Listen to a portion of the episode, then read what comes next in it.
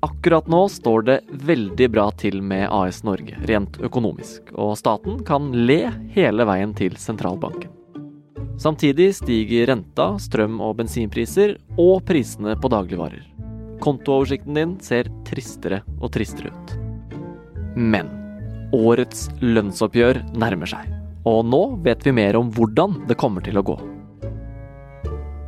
Kan det hende at vi også får trekke litt på smilebåndet på vei til nettbanken? Du hører på Forklart, og jeg heter David Vekoni. Det er tirsdag 22. februar. Fredag kom årets rapport fra TBU, et veldig usexy ord. Det står for Teknisk beregningsutvalg. Den legger grunnlaget for det som er vårens eh, vakreste eventyr lønnsoppgjøret. Sindre Heierdal, eh, vår økonomiske superstjerne fra E24, som kommer innom og hjelper oss eh, hver gang det er noe vanskelige økonomiting vi skal gjennom her, forklart. Det høres jo helt supert ut med lønnsoppgjør-eventyr, men hva er egentlig TBU? Hva er det de egentlig gjør? De sitter da og analyserer lønnsdata og hvordan det gikk med prisene i samfunnet. Og så legger de fram en foreløpig fasit før lønnsoppgjøret og, og en mer endelig enn etter lønnsoppgjøret. Og de skal da skape en eh, felles virkelighetsforståelse, sånn at partene, når det er lønnsoppgjør, har mindre å krangle om. At de er enige i hvert fall om hvor, omtrent hvordan det gikk med lønnene i fjor, og, og litt enige om hvordan prisene også har eh, utviklet seg. Og det er viktig for at lønnsoppgjøret skal bli bra, eller gå greit for seg? Ja, da skal det i utgangspunktet bli mindre å krangle om. At de er enige om en del av hvordan virkeligheten der ute faktisk var, og hvordan en del av tingene vil utvikle seg framover òg.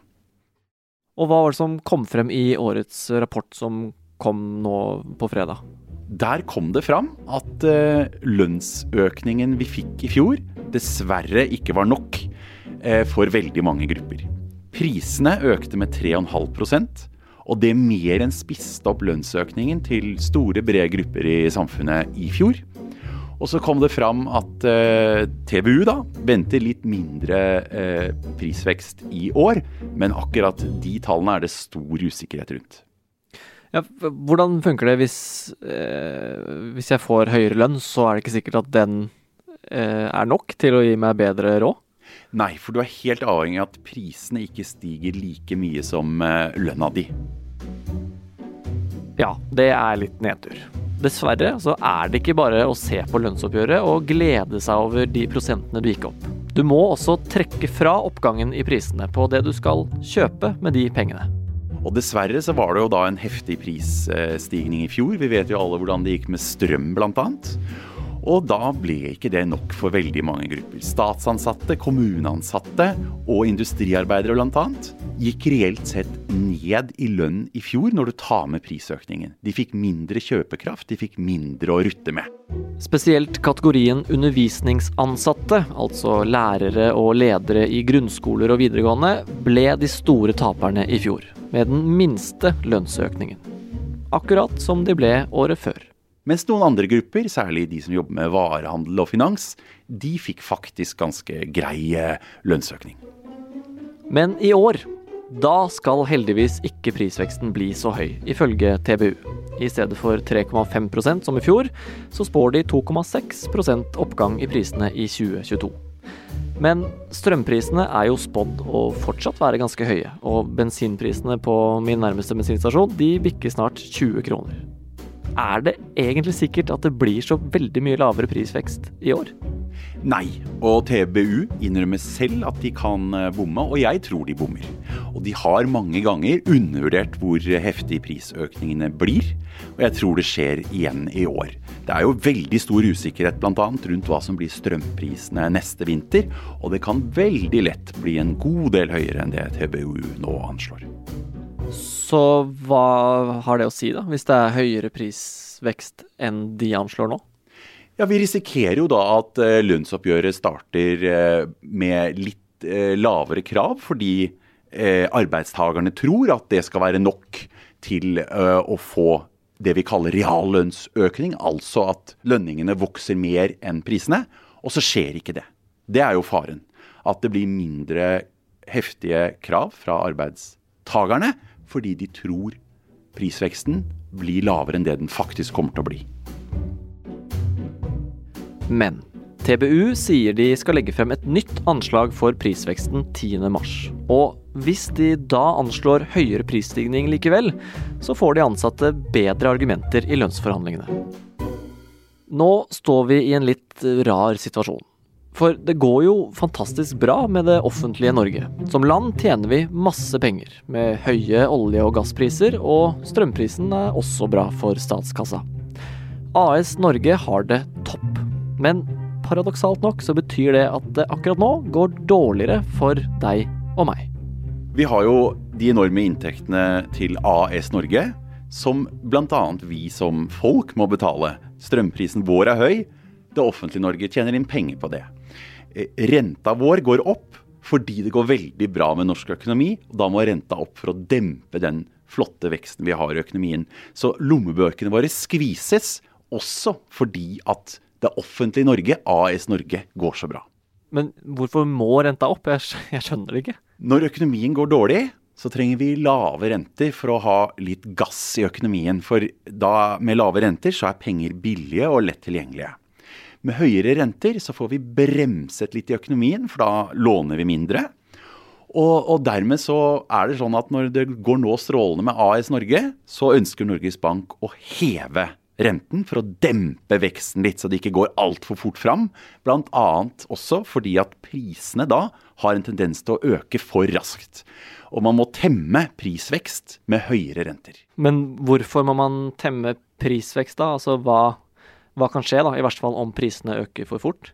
Da kan vi i verste fall få en situasjon hvor vi ber om masse mer i lønn hvert år, og så må bedriftene for å betale for det sette opp sine priser, og så må vi igjen be om mer lønn for å svare på det, og så begynner prisspiralen å bare akselerere. Det blir en snøball som vokser fortere og fortere, og kanskje helt ut av kontroll. Så da må vi heller prøve å ha det litt kjipere nå, sånn at vi kan få det bedre senere, da? Ja, nettopp. Vi må ha en kontrollert vekst, og ikke miste kontrollen. Så hva kan vi forvente av eh, renta i år, da? Ja, Vi er på vei ut av pandemien, det går bra med Norge. Og det vi kan forvente er fire rentehevninger i hvert fall i år fra Norges Bank. Og det kommer på toppen av to rentehevinger vi fikk i fjor høst og i desember. Så da er vi eh, raskt på vei oppover. Så tiden med nesten null renter, den er over? Den er over. Kriselave renter er over når økonomien normaliseres. Det betyr at vi sitter igjen med mindre penger akkurat nå. Og det høres jo kjedelig ut for lommeboka vår. Men for de som bekymrer seg for høye regninger, så finnes det en trøst. 2022 kan nemlig bli veldig lønnsomt.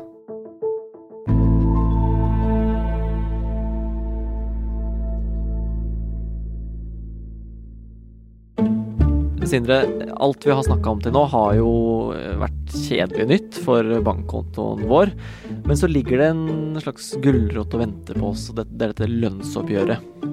Eh, hva tror du kommer det til å gå i eh, lommebokas favør for oss? Ja. Ok, kult. Hvorfor det? For å skjønne det må vi jo eh, se litt på hvordan lønnsoppgjøret fungerer. Først det alle snakker om nå, det er de sentrale forhandlingene, hvor de store forbundene innen f.eks. For eksportindustrien forhandler på vegne av alle sine medlemmer. Og der vil vi få en sum, men så venter jo de lokale oppgjørene. Og når det går så bra i veldig mange bedrifter, så vil jo også de som da virkelig eh, går godt nå, kunne ha ganske rause lokale oppgjør. Og den lønna kommer jo på tillegg for mange. Eh, så til sammen da så det, kan det bli ganske så godt. Og det er det særlig to grunner til. For det første, de høye strømprisene er kjipe for lommeboka. Men akkurat det kan brukes som et argument i lønnsforhandlingene. Arbeidstagerorganisasjonene kan si at vi må få mer lønn for å betale den utrolig høye strømregninga. Det samme gjelder de høye renteutgiftene. Så er det jo ikke alltid at arbeidsgiverne orker å høre på det. Også mange bedrifter har fått økte strømregninger. Også mange bedrifter sliter med en del sånne ekstrautgifter for tiden. Men det er et argument som vil bli lagt fram, og som vil bli presset på. Eh, og som man ikke kan kimse av heller i de forhandlingene. Og så er det jo et hovedoppgjør i år, så alt mulig ligger på bordet. Det er også mulig å forhandle om hviletid og ekstra betalt på ulike felt. Det er mye som ligger på bordet. Alt ligger på bordet i år. Det er ikke bare grunnlønna, men også hvor mye man skal få i overtidsbetaling og helgetillegg osv. Ja, og ikke bare det. ikke sant? Det er også arbeidsgoder og, og det hele som da kan forhandles om. Og så sa du at det var to grunner, så hva er grunn nummer to? Grunn nummer to er den aller viktigste, og det er at eh, veldig mange bedrifter går altså godt. Og veldig mange bedrifter sliter med å få tak i nye, dyktige ansatte. Og da har de en sterk egen motivasjon i å øke lønningene. Og vi har sett det tidligere òg, i år hvor det er lav arbeidsledighet og bedriftene sliter med å få tak i nye folk. Da blir det rause oppgjør. Da er eh, vi som eh, jobber Eh, i høy etterspørsel. Da står vi ikke med lua i hånda, da stiller vi veldig sterkt til forhandlinger. Så det er jo helt supert om vi kan få en god lønnsøkning i år. Men det finnes alltid en bakside. Ja, vi fikk en ubehagelig påminnelse fra avtroppende sentralbanksjef Øystein Olsen eh, forrige uke, når han holdt sin siste årstale. Og hvor han minnet om at hvis eh, lønnsøkningene blir for heftige, så må Norges Bank trå til med renteøkninger for å svare på det, så ikke prisene vokser fort i samfunnet. Og det var jo en eh, kalkulert påminnelse til oss alle. Det blir vanskelig å få i både pose og sekk i år. Så hvis vi blir veldig fornøyde med lønnsoppgjøret, så kan det hende at det blir litt kjipere å låne penger. Ja, vi bør holde litt an på jubelen og følge med på hva Norges Bank da gjør. Ok, så på tross av at vi kan forvente oss mer lønn, så kan det nok hende at mange bør ta noen grep for lommebokas del. Da bør vi se litt på hvilke penger som renner ut av nettbanken hver måned. Og hva er de store utgiftene våre? Jo, det er jo typisk boliglånet, det er forsikringer, det er bilforsikring, det er husforsikring, det er mange slike. Og dette er svære summer. Og ofte er rommet for å prute på de prisene vi betaler, ganske stort. Det er veldig mange muligheter til å gå til andre banker og bruke tilbud derfra, eller til andre forsikringsselskap og hente inn andre tilbud. Og så kan vi enten bytte til en annen leverandør, eller vi kan konfrontere vår gamle bank eller forsikringsselskap med de prisene vi har fått et annet sted, og så prute ned. Og der er det store beløp å spare. Det er det som virkelig monner eh, på lang sikt, ikke den eh, ekstra kaffekoppen på vei til jobb. Men mange syns jo det her er vanskelig, Sindre. Hvor enkelt er det egentlig? Nordmenn er kanskje ikke verdens mest ekstroverte folk.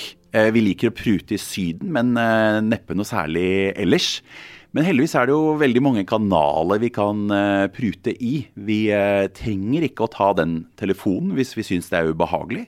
Vi kan også finne fram til chattekanaler, og der be om bedre tilbud eller vi kan sende mail. Det er mange kanaler å nå fram i, eh, hvor vi også kan tenke nøye gjennom hva vi vil eh, ha sagt.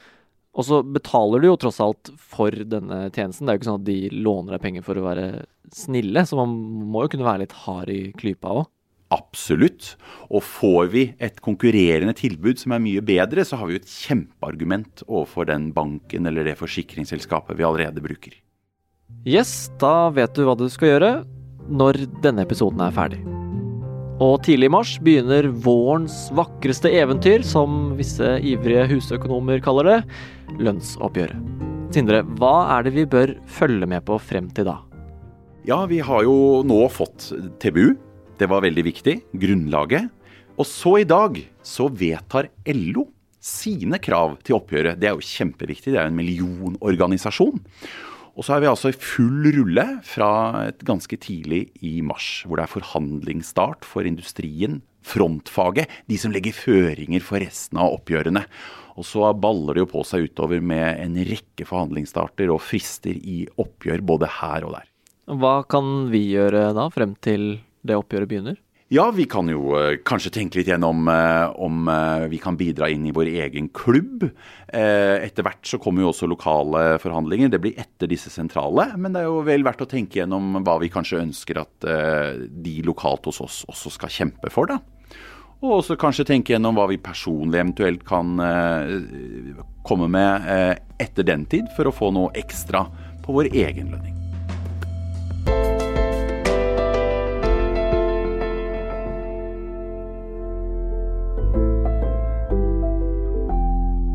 Du hørte økonomikommentator Sindre Heierdal gjøre renter, lønnsvekst og lønnsoppgjør så forståelig som mulig.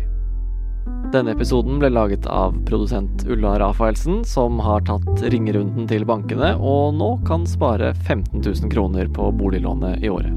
Og av Fride Næss Nonstad og meg, David Mekoni. Resten av Forklart er Anders Weberg, Anne Lindholm, Synne Søhol, Marte Spurkland og Jenny Førland. Sånn, da kan du gå og ringe banken din.